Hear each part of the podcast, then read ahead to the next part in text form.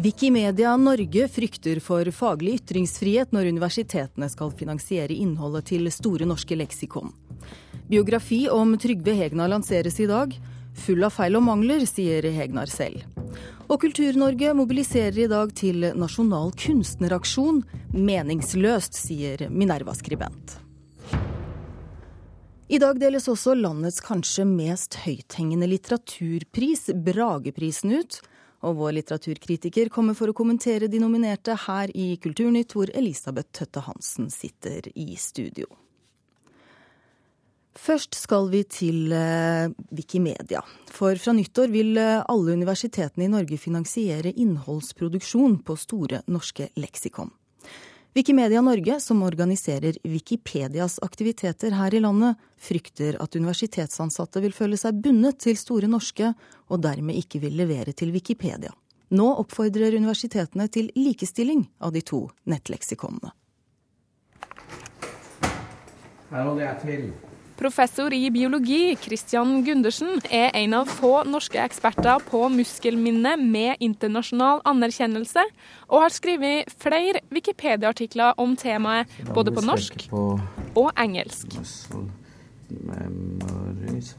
Å skrive for Wikipedia er Gundersen ikke alene om å ha gjort her til lands. Norge og Island er nemlig de to landene i verden som har flest frivillige skribenter på Wikipedia per innbygger. Da skal vi finne Norge der. Nå frykter imidlertid Wikimedia Norge at antall skribenter vil gå ned, ettersom universitetene fra nyttår går inn i et samarbeid med Store norske leksikon om innholdsproduksjon. Det som vi vil advare mot, det er jo en situasjon hvor forskere og akademikere nå føler seg låst til Store norske fordi lærestedet deres eh, har eh, bundet seg opp til det leksikonet framfor vårt. Sier nestleder Erlend Bjørtvedt. For det vil være synd eh, hvis de mange professorer og forskere i Norge som bidrar på Wikipedia, slutta med det, bare fordi deres institusjon bandt seg til Store norske. Store norske leksikon har måttet finne nye sponsorer, ettersom midlene fra Fritt Ord og Sparebankstiftelsen er brukt opp ved utgangen av året. Men for å redde nettleksikonet har alle de åtte universitetene i landet forplikta seg til å finansiere alt innhold på Store norske. I niende etasje, med utsikt over hele universitetsområdet på Blindern i Oslo, sitter ja, Ole Petter Ottersen, rektor ved Universitetet i Oslo. Dette er en politisk og villet handling.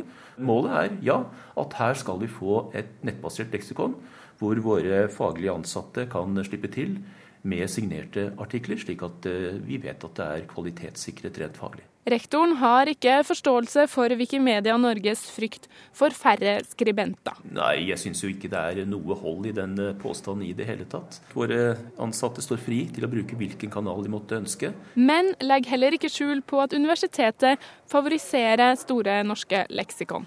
Det er helt riktig. Dette er eh, slik at vi ønsker som jeg har sagt, at Store norske leksikon skal bli en viktig formidlingskanal. Så i den forstand så favoriserer vi. Og det er helt korrekt.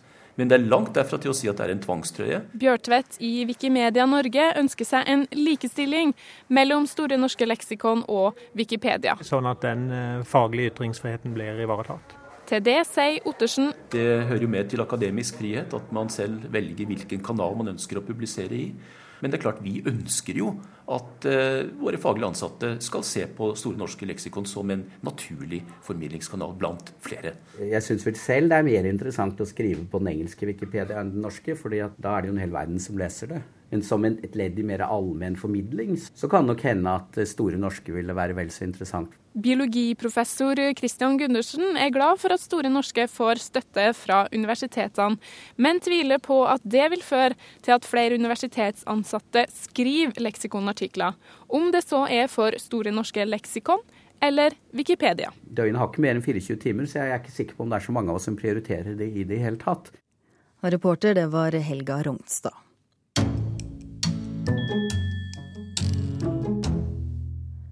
I dag blir en uautorisert biografi om pressemannen og forretningsmannen Trygve Hegnar lansert.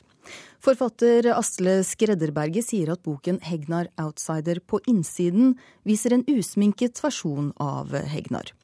Boken setter et kritisk fokus på hans mange roller som pressemann, redaktør og aksjeeier, og omtaler også privatlivet hans og konflikter med medarbeidere og aktører i næringslivet.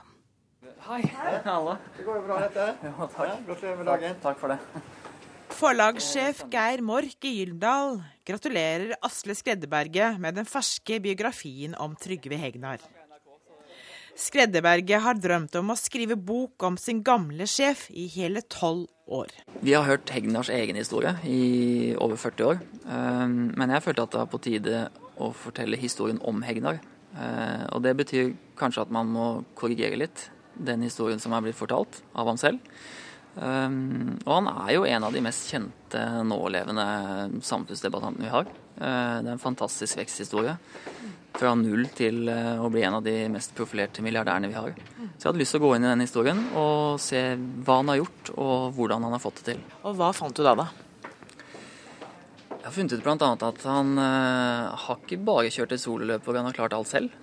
Uh, han har hatt veldig god hjelp fra, fra mange personer.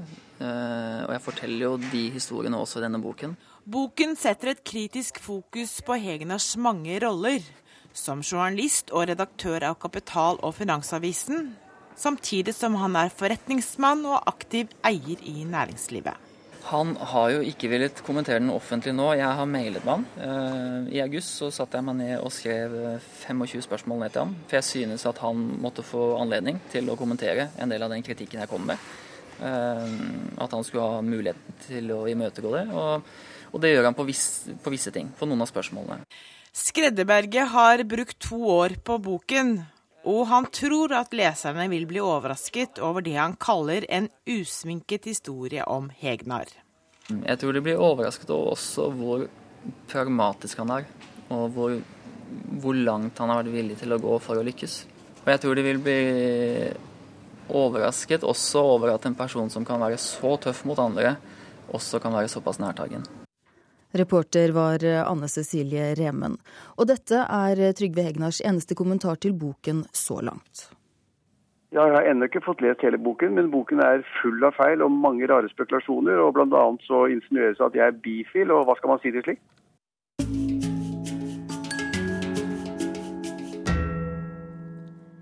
I dag deles Brageprisen ut, kanskje den gjeveste norske litteraturprisen. Og litteraturkritiker her i NRK, Marta Norheim, det er rundt 50 litteraturpriser i Norge. Og rager Brageprisen fortsatt høyest blant dem? Ja, den gjør det. Den, eh, den, eh, holder seg eh, godt. Altså, den hadde en vaklende start. De endra opplegget litt fra år til år, og den var litt utydelig. De senere åra syns jeg den er blitt tydeligere, og jeg vil nok si det er den viktigste prisen. Nå har det jo kommet nominasjoner, selvsagt, siden prisen deles ut i dag. Og det som har skapt mest debatt på forhånd, er at eh, Dag Solstads roman 'Det uoppløselige episke element' i Telemark i perioden 1591 til 1896 ble nominert. Det er en bok som har delt kritikerne, og en del har vært i tvil om dette kan kalles en roman i det hele tatt. Hva, hva syns du? Ja, altså roman er jo, en, er ikke en beskytta tittel i den forstand. Og, og, det har jo vist seg gjennom hundreårene at roman kan ramme, romme utrolig mye.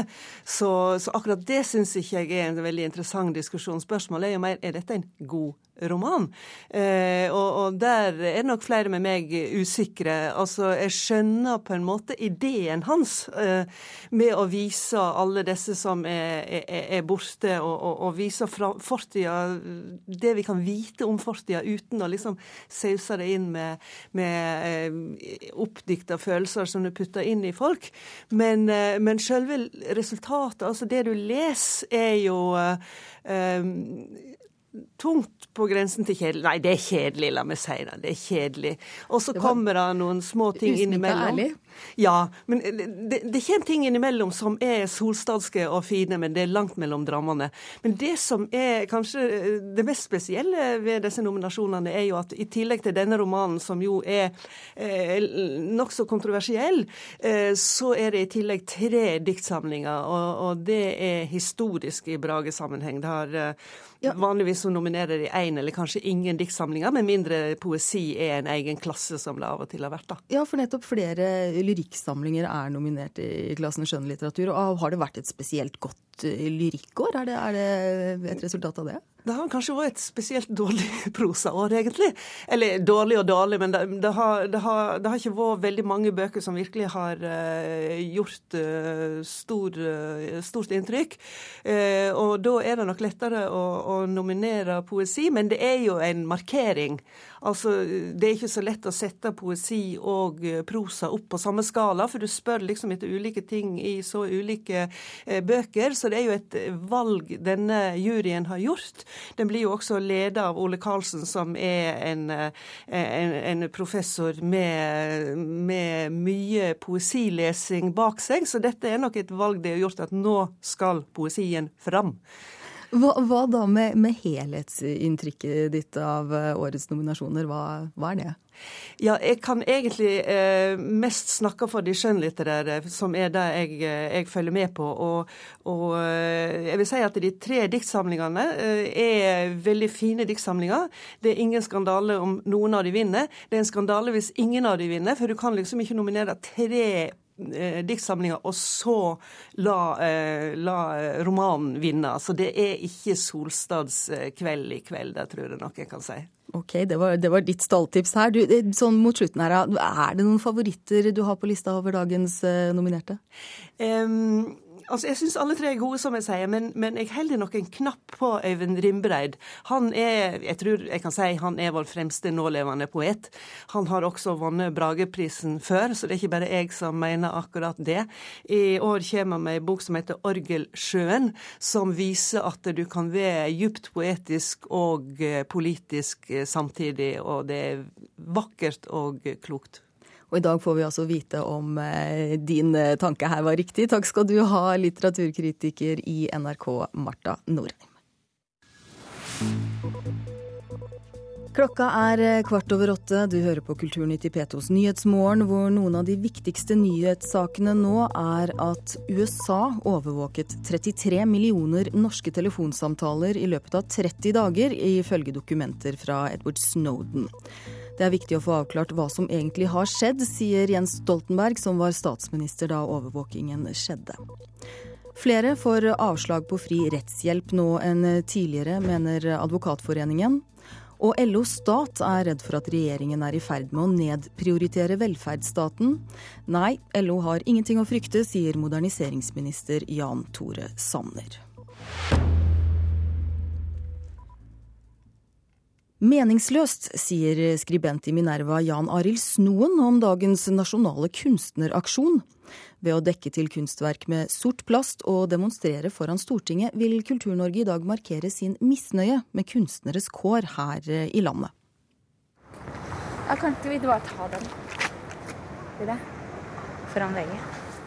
Foran VG-bygget, på hver sin side av statuen av mannen som leser avisa, står Hilde Tørdal og Tanja Sæter i Foreningen for norske billedkunstnere. Med hver sin svarte søppelsekk i hendene. Trenger ikke nødvendigvis teip. Da regjeringens forslag til budsjett foreslo å kutte i kunstnerstipendordningen, satte Norsk Billedkunstforening i gang Kunstneraksjonen. Det var jo det eh, ekstreme kuttet som var eh, ordentlig eh, stygt, som, eh, som vi var nødt for å stoppe. Fredag forrige uke ble det imidlertid klart at kuttene likevel ikke gjennomføres med det første. Men til tross for at første seier er inkassert, opprettholder aksjonen trykket og arrangerer i dag en nasjonal aksjon der de oppfordrer til å ikke benytte seg av kunst og kultur denne tirsdagen. Dette markerer de bl.a. ved å dekke til kunst i offentlige og private rom med svarte søppelsekker. Hvis vi tar vekk all kunsten i samfunnet, hva har vi igjen da? Det er å rett og slett vise det. Over 2500 mennesker støtter aksjonen på Facebook, som bl.a. skal foregå foran Stortinget. Så selv om vi på en måte har reddet vår stipendordning, den tiårige stipendordningen, så det ikke, er det jo ikke sånn at kampen er over på noen måte. Jeg støtter dem selvsagt ikke. Jeg syns de har fått altfor mye penger. Sier skribent i Minerva, Jan Arild Snoen. Han mener ikke demonstrasjonen er berettiget. Jeg synes at uh, kulturfeltet som sådan har fått veldig mye økninger i bevilgningene sine over de siste årene, også i dette budsjettet. Og at det derfor er eh, litt merkelig at eh, de skal føle behov for å demonstrere. Vi vil, eh, vi vil, markere for hele landet eh, hvem vi er, og hvilke konsekvenser det får hvis man ikke satser på kunstnerpolitikk i det hele tatt. For til tross for økninger til kulturen de siste årene, mener kunstnerne det er mye å kjempe videre for. Og så ønsker man å ha kunstnere i Norge som bor her og lever her, i, hele, i alle kriker og kroker. Eh, så må man også satse på å eh, gi gode kår, sånn at det går an å leve av det her. Jeg ser ikke på det som noen negativ aksjon. Jeg, jeg ser på aksjon som eh, at man ønsker å få fokus på det man jobber med. Sier FrPs kulturpolitiske talsmann Ib Thomsen. Han eh, syns det er bra at kunstnerne selv bidrar i debatten, men at det alltid vil være noen som ønsker mer penger. Når man sier at man får for lite penger, så tror jeg nok de fleste, fleste mener at de har fått for lite ut av statsbudsjettet. Hilde Tørdal og Tanja Sæter tror kulturlivet i Norge nå har et sterkere samhold enn på lenge. Og jeg tror også man ser et uh, mer samlet uh, kulturliv som, uh, som, står samlet bak en del krav. Og det er vanskeligere med splitt og hersk enn før, når man, man, opplever at kulturlivet reiser seg i felles kamp. Reporter Christian Ingebretsen.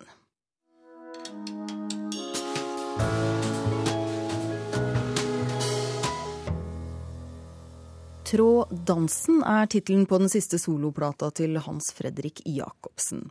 Her formidler han først og fremst egne tekster og melodier, i tillegg til enkelte tradisjonelle låter. Musikken den er blitt til gjennom hans 30-årige karriere, og vår anmelder Kjetil Bjørgan mener den byr på mange gode musikalske øyeblikk. Hans Fredrik Jacobsen ble kjent for et stort publikum da han eh, var med å vinne Grand Prix med Secret Garden i 1995. Men jeg har nå i mange år først og fremst betrakta han som en spesielt allsidig musiker, på fløyter særlig, men også gitarer, og her på banjo, torader, sekkepipe og altsaksofon i tillegg. Altså en slags multiinstrumentalist som eh, har et musikkliv med gode svinger innom et repertoar fra middelalderen. Norsk folkemusikk, mer arrangert verdensmusikk. Men denne gangen, på sin tredje soloplate, vil jeg si at han først og fremst framstår som visesanger. Kom, så går vi en tur, bare det og du. De andre de sover med natta hode, og byen er våken, klokka tikker mot sju. Jeg skal vise deg rundt på det stedet blei født. Og etter en stund, når du har blitt trøtt, kan vi sette oss ned ut på kaia et sted. Og nyte morgensola og den stille, gode fred. Jeg intervjua han da han var ute med plata Vind for rundt eh, ti år sia. Vi satt et sted ved Oslofjorden og så utover vannet og han fortalte at han nok var inspirert av sin oppvekst på Risør. På en litt annen måte er altså denne plata blitt til rundt minnene om sin hjemby, om havet, om folk han har møtt der, og reisen fram til der han er i dag, Tolga, nord i Østerdalen, der han bor og har bodd store deler av sitt voksne liv, sammen med musiker Tone Hulbekmo, som også er med på denne plata, med sønnene Alf og Hans Hulbekmo. Så dette er av flere grunner en personlig plateutgivelse.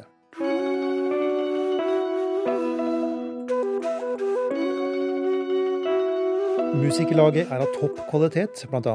Annbjørg Lien og Knut Reiersrud. Norsk-iranske Javid Afsarirad er også med på Santor, hakkebrett på norsk. Og i det hele tatt er vi stadig vekk på musikalsk vei ut av Norge. Til mange steder rundt omkring der vi som lyttere blir med Hans Fredrik Jacobsen til lydlandskaper som interesserer han. I det hele tatt klinger det godt av hele produksjonen. Den gjennomsyres av spilleglede, av overraskende og originale arrangementer og varierte mellomspill. Den dagen da du dro av sted, trodde jeg først at du Sangstemmen til Hans Fredrik Jacobsen bruser ikke, på en måte er den ganske ordinær. Han synger i en visetradisjon og er god til å formidle innholdet. Jeg skulle definitivt ønsket enda flere instrumentallåter. For jeg synes nok at han med et instrument mellom hendene alltid viser en sjelden virtuositet og et driv som nok er et par hakk over vokalprestasjonene. Trådansen, trådansen, tråddansen. Du føres så langt av sted. Du svever i lys og i mørke, og hjertet for aldri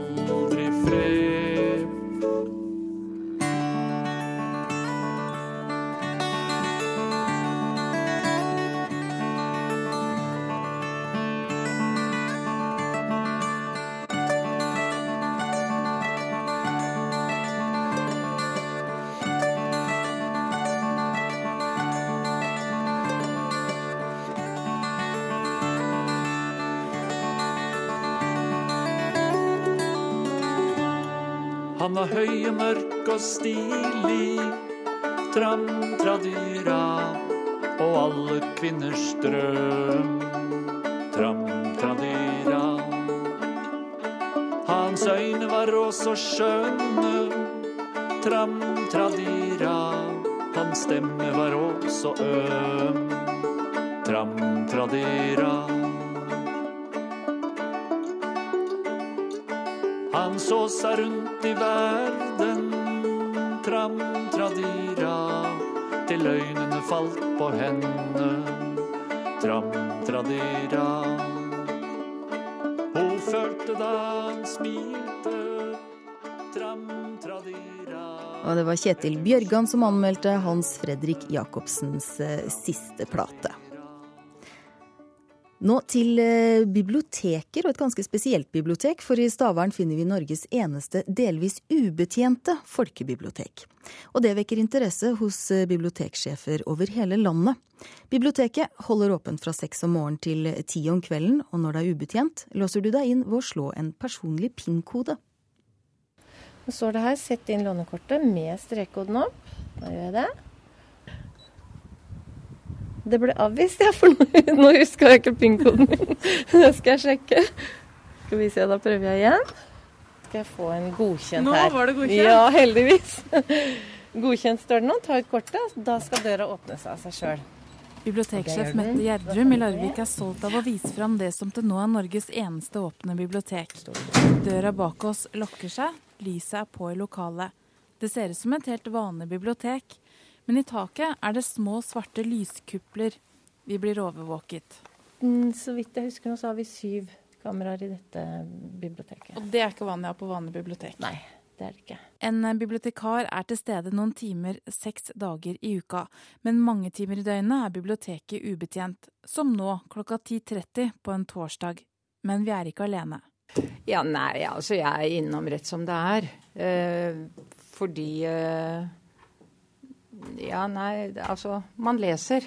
Lill Bjørvik fra Stavern har vært her flere ganger etter at det delvis selvbetjente biblioteket åpnet 2.9. Det var uvant å låse seg inn til å begynne med, forteller hun. Litt skummelt den første gangen, syns jeg. Litt ubehagelig. Det var på ettermiddagen.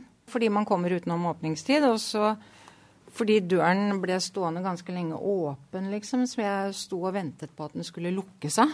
For jeg tenkte det må jo ikke komme noen inn. Katter eller hva det måtte være. og så går man her og rusler, og så er det ingen her, og så eh, Nei, litt ubehagelig. Men nå har jeg gjort det noen ganger, så nå, nå er det veldig greit. Statistikken så langt viser at omtrent like mange er her når det er ubetjent som når det er betjent. Alle som har et lånekort og en PIN-kode kan komme seg inn på biblioteket fra tidlig morgen til sent på kveld. Alle dager i året. Ikke bare privatpersoner og studenter er her når biblioteket er ubetjent, det er også barnehager. I Sverige og Danmark har de hatt ordningen en stund. I Norge er dette helt nytt, og mange er interessert. Det er flere bibliotek som har lyst til å sette i gang, som kommer hit og ser, eller får informasjon. Når folk er nysgjerrige på den løsningen deres, hva sier du til dem? Da sier jeg bare sett i gang. Men de må jo være klar over at det koster eh, en del å sette det i gang. Men hva er hensikten å få opp eh, utlånet? Nei, hensikten var vel å gjøre biblioteket mer tilgjengelig. Få eh, enda flere åpningstimer, rett og slett. Ordningen kosta ca. en halv million kroner. Nestemann ut i Vestfold kan bli Tjøme bibliotek. De skal utvide åpningstidene i løpet av vinteren, men ikke så mye som i Stavern.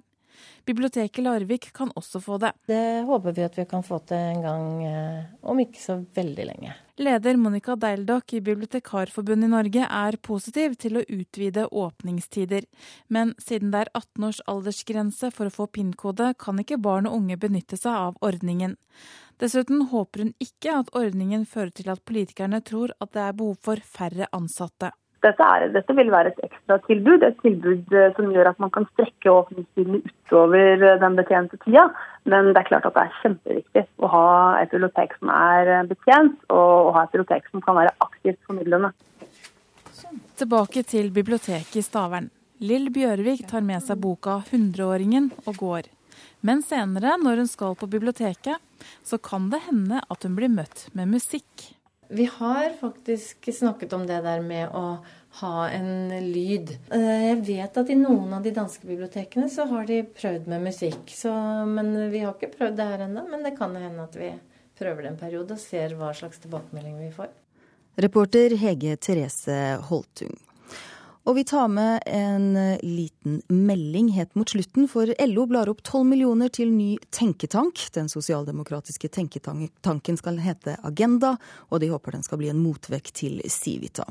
Næringstoppen Trond Moen har også bidratt, bidratt til den planlagte tenketanken, skriver Dagsavisen.